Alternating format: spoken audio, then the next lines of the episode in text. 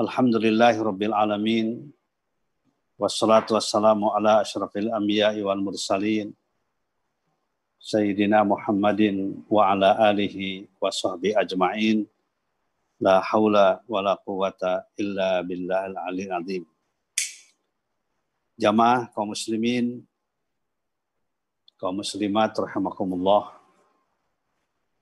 Kita bersyukur pada Allah Subhanahu wa taala pada pagi hari ini Ahad 28 Dzulqa'dah 1441 Hijriah. Bertepatan dengan 19 Juli 2020 kembali kita bertemu dalam pengajian tafsir yang alhamdulillah pada pagi hari ini kita akan mengawali surat ke-38 yaitu surat Sod. Oleh karena itu mari kita awali bersama dengan membaca umul kitab. Al-Fatihah. A'udzu billahi minasy syaithanir rajim. Bismillahirrahmanirrahim. Alhamdulillahi rabbil alamin. Ar-Rahmanir Rahim. مالك يوم الدين. إياك نعبد وإياك نستعين. اهدنا الصراط المستقيم. صراط الذين أنعمت عليهم. غير المغضوب عليهم ولا الضالين. آمين. بسم الله الرحمن الرحيم صاد والقرآن ذي الذكر Mohon maaf dilihat surat Sod ya, ayat yang pertama. Bismillahirrahmanirrahim. Sad wal Qur'ani dzikr. بل الذين كفروا في عزة وشقاق. كم أهلكنا من قبلهم من قرن فنادوا ولا تحين مناس. وعجبوا أن جاءهم منذر منهم. وقال الكافرون هذا ساحر كذاب. وجعل الآلهة إلها واحدا إن هذا لشيء عجاب. وانطلق الملأ منهم أن امشوا واصبروا أن امشوا واصبروا على آلهتكم إن هذا لشيء يراد. ما سمعنا في هذا ما سمعنا بهذا في الملة الآخرة إن هذا إلا اختلاق صدق الله العظيم بسم الله الرحمن الرحيم صاد hanya Allah yang mengetahui makna dari sad wal Qur'ani dan Al-Qur'an dikri yang memiliki keagungan Walilladzina kafaru tetapi orang-orang kafir fi izzatin dalam kesombongan fi izzatin dalam kesombongan wasyiqaq wasyiqaq dan dalam permusuhan yang sangat luar biasa permusuhan yang sangat sengit. Kam ahlakna betapa banyak kami menghancurkan. Min qablihim sebelum mereka min kornin dari berbagai generasi fanadau wala tahina manas. Kemudian mereka meminta pertolongan untuk melepaskan diri dari adab itu. Wajibu dan mereka kaget. Anja'hum datang kepada mereka mundirun pemberi peringatan minhum dari mereka. Faqala al-kafiruna dan berkata orang-orang kafir. Hada ini sahirun kadzab adalah tukang sihir yang banyak berdusta. Aja'alal alihata, apakah ia menjadikan Tuhan-Tuhan ilah wahidah Tuhan yang satu. Inna hada sungguhnya ini la syai'un ujab sesuatu yang sangat mengherankan. Wan tolako dan berangkatlah al mala'u kelompok atau golongan minum dari mereka. Animsu jalanlah kamu sekalian. Wasbiru dan tetaplah kamu sekalian ala alihatikum pada Tuhan kamu sekalian. In hal inna hadha semuanya hal ini la syai'u yurad ala sesuatu yang ditolak. Masa kami tidak mendengar bihada dalam hal ini fil millatil akhirah pada agama yang terakhir. In hadza tidaklah hal ini illa ikhtilaf kecuali dibuat-buat. Sadaqallahul azim. Jamaah kaum muslimin, kaum muslimat rahimakumullah. Ada beberapa pelajaran penting yang bisa kita pelajari, yang bisa kita ambil dari ayat-ayat pertama surat Sot ini, surat ke-38, yang dimulai dengan hurufun muqatta'ah Sod itu adalah hurufun muqatta'ah yang tidak dikenal dalam bahasa Arab sebelum ada lima macam ya, ada yang satu huruf, dua huruf, tiga huruf, empat huruf dan yang paling banyak lima huruf yaitu seperti kaf, haya, in, sod. Ketika surat-surat di dalam Al-Quran dimulai dengan hurufun muqatta'ah, huruf yang terputus-putus, biasanya Al-Quran menjelaskan tentang Al-Quran itu sendiri. Yasin misalnya wal Qur'anil Hakim. Ya, Alif Lam Mim dzalikal kitabu la raiba Nah, sekarang juga begitu. Sod wal Qur'ani dzikr. Ya. Allah Maha mengetahui akan maknanya demi Al-Qur'an yang memiliki keagungan. Oleh karena itu di awal-awal surat Sod ini ada dua hal penting. Yang pertama adalah tentang keagungan Al-Qur'an, tentang isi Al-Qur'an, tentang tujuan diturunkan Al-Quran dan lain sebagainya. Sedangkan yang kedua adalah bagian kedua, kenapa orang kafir menolak kebenaran Al-Quran. Nah ini kita akan bahas dua hal ini. Yang pertama, Al-Quran adalah kitab yang agung, kitab yang mulia, sebuah nikmat dan karunia yang diberikan oleh Allah kepada umat manusia, terutama kepada orang-orang yang beriman, agar umat manusia, orang yang beriman, menjalani kehidupan sesuai dengan aturannya karena sesuai dengan aturannya, maka diharapkan manusia akan sukses dalam pandangan Allah. Sukses hidup di dunia maupun sukses hidup di akhirat. Mendapatkan kebahagiaan hidup di dunia dan juga mendapatkan kebahagiaan hidup di akhirat. Karena kebahagiaan yang ingin kita capai adalah dua kebahagiaan. Kita mendapatkan hasanah di dunia, mendapatkan hasanah di akhirat, dan dijauhkan oleh Allah Subhanahu wa taala dari azab neraka. Di dalam sebuah kitab At-Tibyan fi Ulumil Quran diungkapkan bahwa yang dimaksud dengan bagaimana kandungan dan sifat Al-Quran itu adalah sebagai berikut. Fal Quranul Karim dusturul ummah. Ya, Quran itu Quran yang mulia itu dusturul ummah. Dia merupakan undang-undang, peraturan, ya, sistem kehidupan bagi umat Islam, dusturul ummah. Wahidayatul khaliq, dan dan wahidayatil khaliq dan apa hidayah dari Allah Subhanahu wa taala yang menciptakan. Wahidayatil khaliq dan hidayah dari Allah yang menciptakan. Wa syariatullah dan syariat Allah li ahlil ardi bagi kita bagi penduduk bumi ini. Aturan yang diberikan Allah bagi penduduk bumi. Wa syariatullah li ahlil ardi dan syariat Allah bagi penduduk bumi. Ya. Wahwa nur rabbani yaitu cahaya wahwa Al-Quran itu an-nur rabbani cahaya dari Allah. Bayangkan itu cahaya dari Allah. Bukti dari Allah mencintai umatnya mencintai umat manusia agar selamat hidupnya diberikan cahaya dari Tuhan nur rabbani jadi kalau kita sering membaca Quran itu adalah sama dengan menambah energi kehidupan kita karena masuk cahaya pada pikiran kita pada kalbu kita yang cahayanya juga bukan sembarang cahaya, tapi adalah nur rabbani, cahaya dari Allah Subhanahu wa taala. Kemudian wal hajjus samawi, Al-Qur'an itu adalah merupakan hidayah yang turun dari langit, turun dari Allah Subhanahu wa taala, turun dari atas.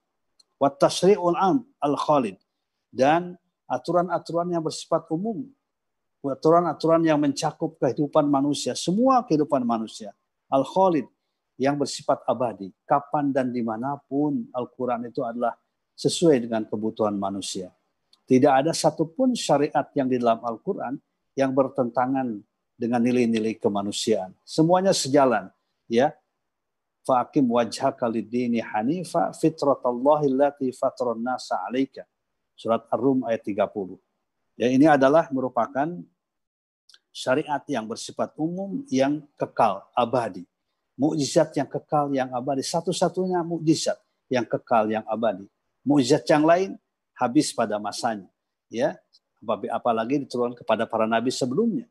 Ya, ada mukjizat kepada Nabi Musa, tapi ketika Nabi Musa wafat selesai, demikian pula kepada nabi-nabi yang lain. Tapi kalau Al-Qur'anul Karim adalah at-tasyri'ul am, ya al-mu'jizah al-khalidah yang kekal abadi. Alladhi yukaffiru bikulli ma yahtaju ilahil bashar. Yang menjawab, menanggung semua hal yang dibutuhkan oleh manusia, oleh kita. Ya, dalam kehidupan kita, dalam menata kehidupan kita. Apa yang kita butuhkan dalam kehidupan ini ya maka semuanya gamblang dan jelas diungkapkan dalam Al-Qur'an. Alladzi yukaffiru ma yahtaju ilaihi bashar. Yang apa menanggung, menjawab semua kebutuhan, semua persoalan manusia. Fi umuri dunyahum wa dinihim. Baik pada urusan yang berkaitan dengan kehidupan dunia maupun juga yang berkaitan dengan urusan-urusan akhirat. Agama kita, dunia kita, Semuanya dijelaskan secara gamblang di dalam Al-Qur'anul Karim. Wala ajaba fahuwa kitabun kamilun. Ya. Tidak dianggap aneh karena Quran itu adalah kitabun kamilun. Kitab yang sempurna. Kitab yang sempurna. Yang tidak ada celahnya, yang tidak ada cacatnya. Ini sebenarnya sebuah apa? Ya? Sebuah anugerah yang luar biasa. Di samping kitab yang sempurna, wanidhamun syamilun. Ya, yang apa yang bersifat apa yang bersifat samil, ya sumulia, mencakup ke berbagai bidang kehidupan. Yang dibahas dalam Al-Quran, di samping yang berkaitan dengan hubungan kita dengan Allah, hablum minallah, ibadah-ibadah yang bersifat ma'adud, tapi juga yang berkaitan dengan alam, hubungan manusia dengan manusia, maupun juga uh, dalam hal yang lainnya. Nidhamun syamilun, yasmalu jawabin jawanibal hayah, yang mencakup semua segi kehidupan, Misalnya sebagai contoh, di sini jelaskan dalam kitab At-Tibyan ya, fil aqaid dalam akidah. Bagaimana kita memiliki akidah yang lurus, yang benar, yang menyebabkan kita jauh dari sifat-sifat kemusyrikan, jauh dari karakter orang musyrik, orang munafik, ya, wal ibadat dan dalam bidang ibadah, wal akhlak dan bidang akhlak, ya, akhlakul karimah yang luar biasa diungkapkan dalam Al-Qur'an. Kenapa? Karena esensi kehidupan itu adalah penegakan akhlakul karimah. Harusnya kita kembali kepada akhlakul karimah yang digambarkan Al-Quranul Karim. Di dalam keluarga, di dalam pendidikan, di dalam rumah tangga, di dalam kepemimpinan, hubungan satu dengan yang lain. Itu harus dibingkai oleh akhlakul karimah yang berdasarkan pada Al-Quranul Karim. Akhlak itu beda dengan karakter dalam pengertian biasa. Beda pula dengan apa dengan etika. Akhlak itu lebih jauh karena akhlak itu berkaitan dengan akidah, ibadah, dan berkaitan dengan hubungan yang kuat kita dengan Allah Subhanahu wa taala yang sumbernya bersifat mutlak, bersifat abadi, tidak bersifat relatif, hanya untuk satu waktu tertentu atau hanya untuk golongan-golongan tertentu, manusia di zaman tertentu. Nah, kemudian juga wal muamalat di bidang muamalah, wa siasah dalam bidang siasa, dalam bidang politik. Ternyata banyak Al-Qur'an yang berkaitan dengan masalah politik. Karena politik itu adalah bagian dari kehidupan manusia. Makanya orang yang beriman tidak boleh buta dengan politik. Ya, politik praktis yang transaksional itulah yang tidak boleh kita lakukan. Politik transaksional yang hanya mementingkan materi ya atau golongan kita, kelompok kita, kemudian juga dengan tujuan-tujuan yang bersifat material, itulah yang dilarang berpolitik itu. Tapi politik secara umum mendapatkan jalan cara untuk mencapai sesuatu tujuan dengan cara yang baik, itu yang dikatakan siasa. Itu yang dikatakan politik. Dan orang yang beriman, kaum muslimin tidak boleh buta politik. Harus mengerti. Para ulama apalagi, para kiai, para ustadz harus mengerti politik. Ya, Bahkan di dalam sebuah kitab diungkapkan al-ulama ahlus zamani. Yang dikatakan ulama, yang dikatakan para kiai, para ustadz, para guru, para syekh, ahlus zamani mereka memahami zamannya. Apa yang terjadi pada saat itu. masalah-masalah aktual yang terjadi pada saat itu harus difahami oleh kita. Karena tidak mungkin kita akan memberikan solusi terhadap persoalan-persoalan kalau kita tidak memahaminya. Al-ulama ahlu zaman.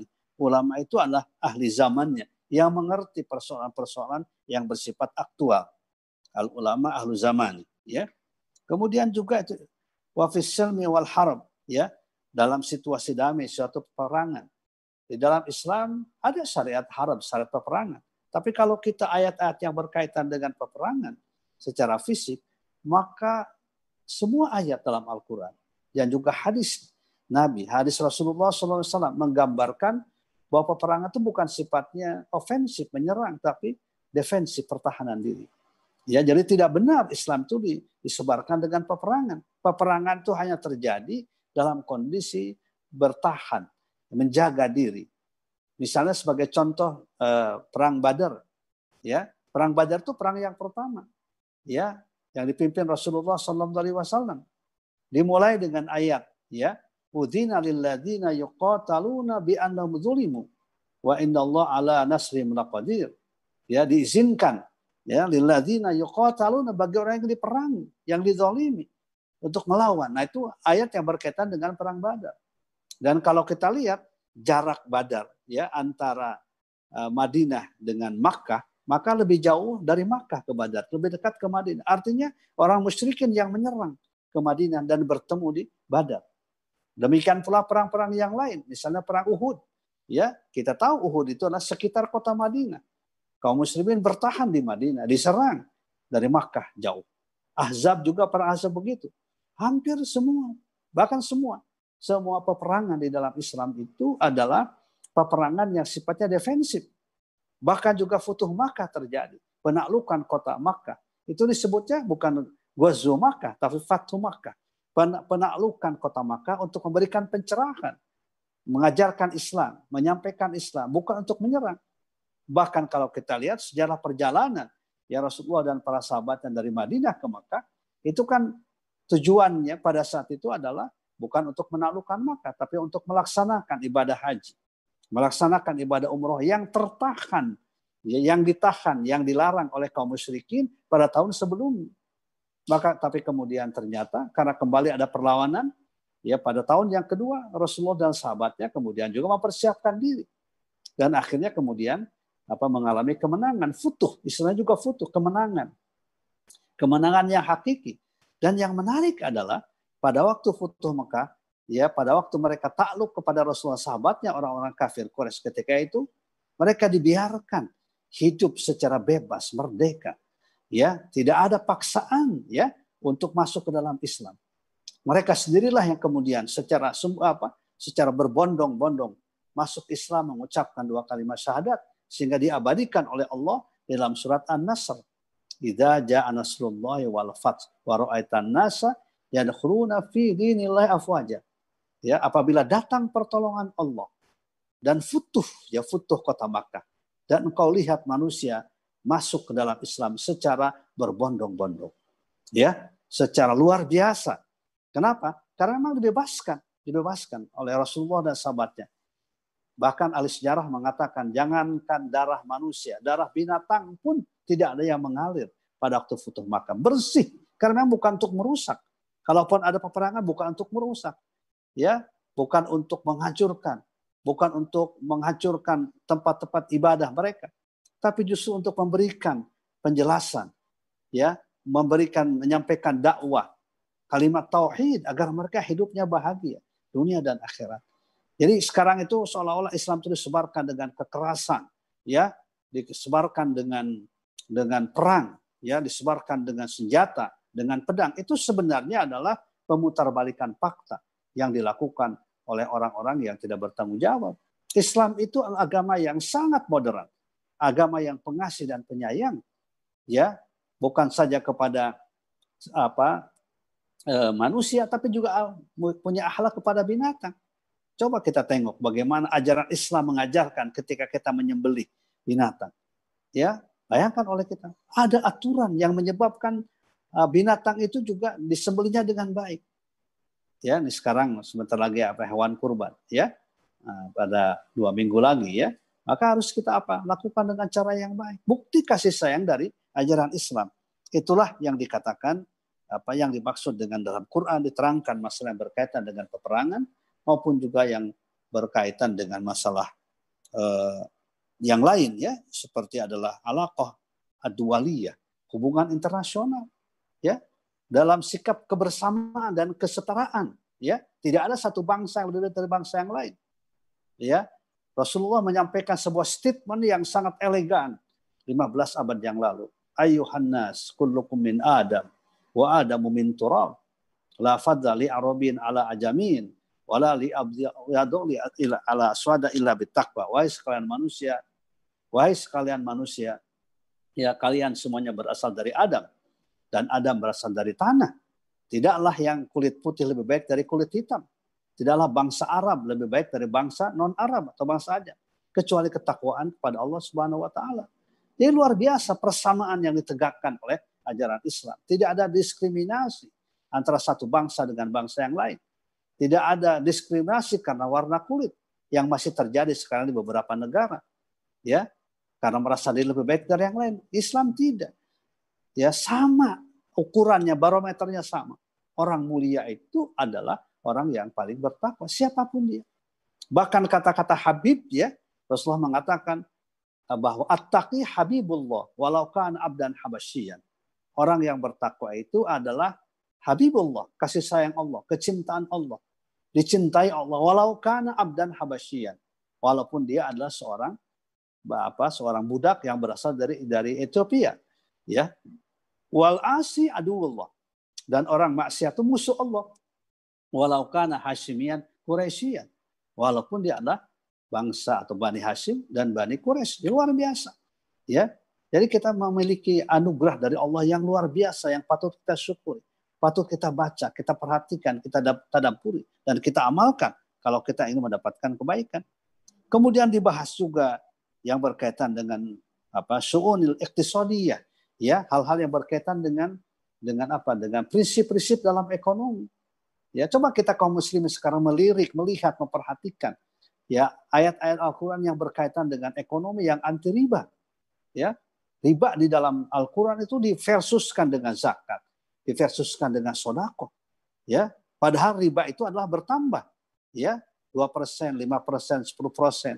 Tapi kalau sodako justru berkurang secara nominal. Ya, saya punya uang 10 juta, saya sodakokan 1 juta, tinggal 9 juta. Tapi Allah menjelaskan dalam Al-Quran. Surat Al-Baqarah 276. Yamhaqullahu riba wa yurbis sadaqat. Ya, Allah akan menghancurkan, menghancurkan riba. Dihancurkan oleh Allah. Artinya dicabut keberkahannya. Ya, sistem ekonomi sekarang kenapa banyak masalah? Melahirkan kesenjangan, bukan melahirkan kesejahteraan karena intinya riba. Dicabut oleh Allah keberkahannya. Yamhaqullahu riba wa yurbis sadaqat.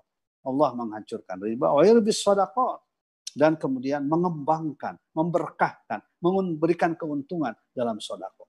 Jadi ini adalah apa ya hal-halnya di, di, diungkapkan di dalam Al-Quranul Karim yang sangat luar biasa, sangat luar biasa.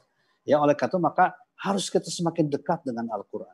Apalagi pada masa sekarang banyak masalah dalam kehidupan kita, banyak musibah dalam mari kita dekat dengan Al-Quran. Ya, karena kita tidak akan pernah merugi kalau kita dekat dengan Al-Quran. Innalladzina yatruna kitab Allah. Orang yang suka membaca Al-Quran, kitab Allah. Wa. Dan orang yang suka menegakkan salat dengan sebaik-baiknya. Wa anfaqu mimma razaqnahum sirra wa alani. Dan mereka menginfakkan sebagian hartanya. Menginfakkan sebagian hartanya. Ya, baik dalam keadaan sir, tidak ada yang tahu maupun secara jahar. Ya, banyak yang tahu. Ya, maka yarjuna tijaratan lan tabur ya mereka mengharapkan perdagangan yang tidak pernah merugi. Yang kedua adalah kenapa walaupun jelas gamblang ya, jelas gamblang Al-Qur'an apa kandungannya, maknanya, kenapa banyak orang yang menentang? Nah, di dalam ayat-ayat berikutnya diungkapkan bahwa kenapa mereka menentang terhadap Al-Qur'an? Pertama karena kesombongan. Ya, ternyata kesombongan itu akan menghambat kita mendapatkan hidayah dari Allah. Di dalam Al-Quran misalnya pada surat Al-A'raf ya diungkapkan Al-A'raf 1 uh, 146 ayat 140 diungkapkan sa'asrifu an ayatil ladzina takabbaruna fil ardi bighairi haq. Kami akan jauhkan, kami akan palingkan dari ayat-ayat kami orang yang takabur, orang yang sombong, merasa benar karena pengetahuan yang dimilikinya. Kemudian juga merasa sombong dengan dengan apa? Dengan kekuasaan yang dimiliki. Hampir semua kita lihat dalam sejarah. Ya kesombongan kesombongan itu yang menyebabkan terhambatnya turunnya hidayah dari Allah Subhanahu wa taala. Ya, ketika ada kesombongan dalam diri kita merasa benar, ya dengan pikiran kita, akal kita, maka di situ kita akan ragu-ragu terhadap Al-Quran. Padahal Quran itu harus disikapi dengan keyakinan. Baru akan punya makna yang dalam bagi kita. Ketika kita apa yakin kebenaran Al-Quran, di situlah akan turun hidayah dari Allah pada kita. Dari kal kitabu la raiba fi. Quran itu la raiba fi. Tidak ada keraguan di dalamnya. Yang kedua adalah penyebabnya adalah tidak pernah mau mendengar dan tidak berpikir. Ternyata ketika orang tidak mau mendengar nasihat, kritikan-kritikan yang konstruktif, kritikan yang membangun, tidak mau didengar, ya saran-saran dan nasihat tidak mau didengar, tidak pernah berpikir dengan baik, dengan objektif, maka di situlah kesesatan akan datang. Karena hidayah Al-Quran, petunjuk dari Al-Quran tidak mau menerimanya. Yang sering disampaikan, yang sering dijelaskan. Ya, di dalam surat uh, Al-Mulk juga, surat 67 ayat 10, ya, di situ Allah menjelaskan, ya, bahwa mereka itu walau apa mengakui kesalahannya di neraka nanti ketika kembali kepada Allah ditempatkan di neraka mereka mengatakan lau kunna wa qalu lau kunna nasma'u au naqilu ma kunna fi ashabis sair mereka berkata andaikan kami mau mendengar dan mau berpikir ya memikirkan Al-Qur'an mendengarkan Al-Qur'an ma kunna fi ashabis sair maka kami tidak akan pernah menjadi ahli neraka ya naudzubillah min dzalik jadi karena itu maka kita perlu mendengar banyak mendengar nasihat-nasihat yang baik ya. Kemudian juga mau berpikir ya karena ketika kita mendengar dan berpikir maka insya Allah hidup kita akan selamat. Kemudian yang terakhir yang banyak menghambat orang-orang tidak apa tidak mau tidak mendapatkan hidayah tidak percaya kepada Al-Qur'an karena sebab tradisi-tradisi dahulu ya yang dilakukan oleh nenek moyangnya tradisi yang bertentangan dengan ajaran Islam, terutama tradisi keagamaan, tradisi ibadah, ya. Wa idza qila lahum ittabi'u ma anzalallah. Kalau dikatakan kepada mereka, ikuti oleh kalian Al-Qur'an yang diturunkan Allah. Qalu mereka mengatakan, ya, bahwa cukup ya apa apa yang kami temukan dari bapak kami. Qalu bal nattabi'u ma alfaina ali aba'ana awalau kana abahum la yaqiluna syai'a wa la yahtadun ya tradisi-tradisi penyembahan, ya tradisi-tradisi yang tidak benar. Ya Islam itu mengenal tradisi itu ada dua macam, mengenal adat itu. Adat yang sesuai dengan ajaran Islam silakan. Tapi kalau adat bertentangan dengan Islam apalagi dengan tauhid, jangan di, di apa harus diputus oleh kita dengan keyakinan kita, dengan keimanan kita. Karena tradisi-tradisi yang bertentangan dengan tauhid, ya dengan keimanan itu akan menyebabkan Al-Qur'an tidak akan pernah masuk ke dalam hati kita, batin kita. Dia tidak akan berfungsi Al-Qur'an sebagai syifaul lima fis sudur, ya sebagai obat dari berbagai macam problematika rohani. Inilah secara singkat yang ingin saya sampaikan dari surat As-Sad tadi ayat 1 sampai dengan 8. Nah, sebelum saya akhiri, ingin saya sampaikan bahwa hari ini kita berada di penghujung bulan Dzulqa'dah ya. Tanggal 28 insya Allah tanggal 1 hari Rabu itu ya tanggal 1 Idul Hijjah itu adalah bulan yang agung ya bulan Idul Hijjah bulan haji itu bulan yang agung. Pertama karena dilaksanakan ibadah haji rukun Islam meskipun sekarang sedikit hanya penduduk apa yang ada di Makkah di, di Arab Saudi dalam jumlah yang terbatas ya kita doakan. Mudah-mudahan semua jamaah haji yang melaksanakan haji itu akan mendapatkan diberikan kesehatan Allah Taala, diberikan kemudahan dan mereka menjadi haji yang mabrur dan mabrur.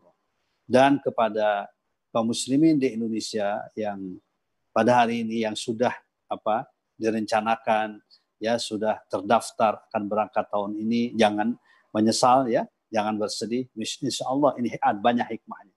Ya Allah sedang berikan pelajaran kepada kita. Terus ya kita pelajari yang berkaitan dengan manasik haji ya maknanya kandungannya supaya betul-betul kita siap pada waktu yang akan datang ketika kembali dibuka seperti biasa. Jadi tidak perlu ada penyesalan-penyesalan karena ini adalah betul-betul merupakan musibah ujian yang diberikan Allah kepada kita pandemi COVID-19 ini. Kemudian bagi kita yang tidak melaksanakan ibadah haji, maka disunahkan puasa. Ya, di dalam hadis riwayat Imam Ahmad dan Bukhari diungkapkan bahwa silakan mau berpuasa saat tanggal 1 sampai dengan tanggal 9 silakan. Ya, tapi tanggal 10, 11, 12, 13 dilarang ya, karena itu hari tasyrik. Atau mencukupkan diri misalnya tanggal 8 dan tanggal 9, silakan. Ya, tanggal 8 itu adalah hari tarwiyah, puasa hari tarwiyah ya dan tanggal 9 adalah puasa hari Arafah. Ya, jadi mudah-mudahan kita bisa memanfaatkan peluang-peluang kebaikan yang diberikan oleh Allah Subhanahu wa taala. Dan yang jangan, jangan lupa bagi saudara-saudara yang memiliki kemampuan ya untuk melaksanakan kurban silakan. Ya, baik untuk pribadi dengan keluarganya maupun juga bersama-sama uh, seperti apa kalau apa kalau untuk pribadi dan keluarga cukup satu ekor kambing misalnya. Kalau untuk uh, bersama-sama tujuh orang seekor sapi, ya kerbau dan lain sebagainya. Ini perlu kita perhatikan terutama bagi yang mampu karena Rasulullah mengatakan dalam sebuah hadis ya barang siapa yang apa punya keleluasaan man kana lahu sa'atun ya barang siapa yang punya keleluasaan falam yudhi kemudian dia tidak berkorban tidak menyembelih hewan kurban, fala yaqrabanna musallana. Maka jangan dekat-dekat pada musola kami. Artinya sangat dianjurkan. Ya, dan tentu saja harapan kita karena dalam situasi apa pandemi ini COVID-19 ini silakan protokol kesehatan yang berkaitan dengan penyembelihan, yang berkaitan dengan pembagian itu dipelajari betul sehingga betul-betul tidak ada ekses negatif yang terjadi akibat dari kita tidak memperhatikan protokol kesehatan. Mudah-mudahan Allah Subhanahu wa taala akan menjadikan kita orang-orang yang semakin bertakwa ya kemudian juga kita akan mendapatkan keriduan dari Allah Subhanahu wa taala. Demikian mari kita akhiri pengajian pada pagi hari ini dengan membaca doa kifarat majlis. Bismillah subhanakallahumma wa bihamdika asyhadu an la ilaha illa anta astaghfiruka wa atubu ilaih walhamdulillah rabbil alamin wassalamualaikum warahmatullahi wabarakatuh.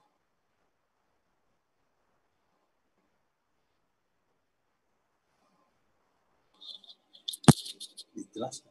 Jelas. Bagus.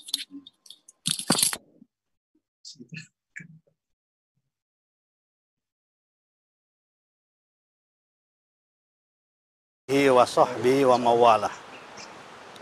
Masjid bagi kaum muslimin adalah tempat yang paling strategis, paling penting dalam kehidupan umat. Kita bisa melaksanakan sholat berjamaah, kita bisa melaksanakan kajian-kajian keislaman, mempersatukan umat, membangun ukhuwah Islamiyah.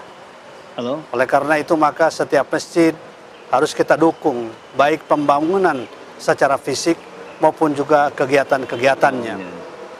Masjid di tempat saya berdiri sekarang adalah Masjid Al-Hijri 2, kampus UIK Bogor, yang sekarang sedang mengalami terus-menerus peningkatan pembangunannya.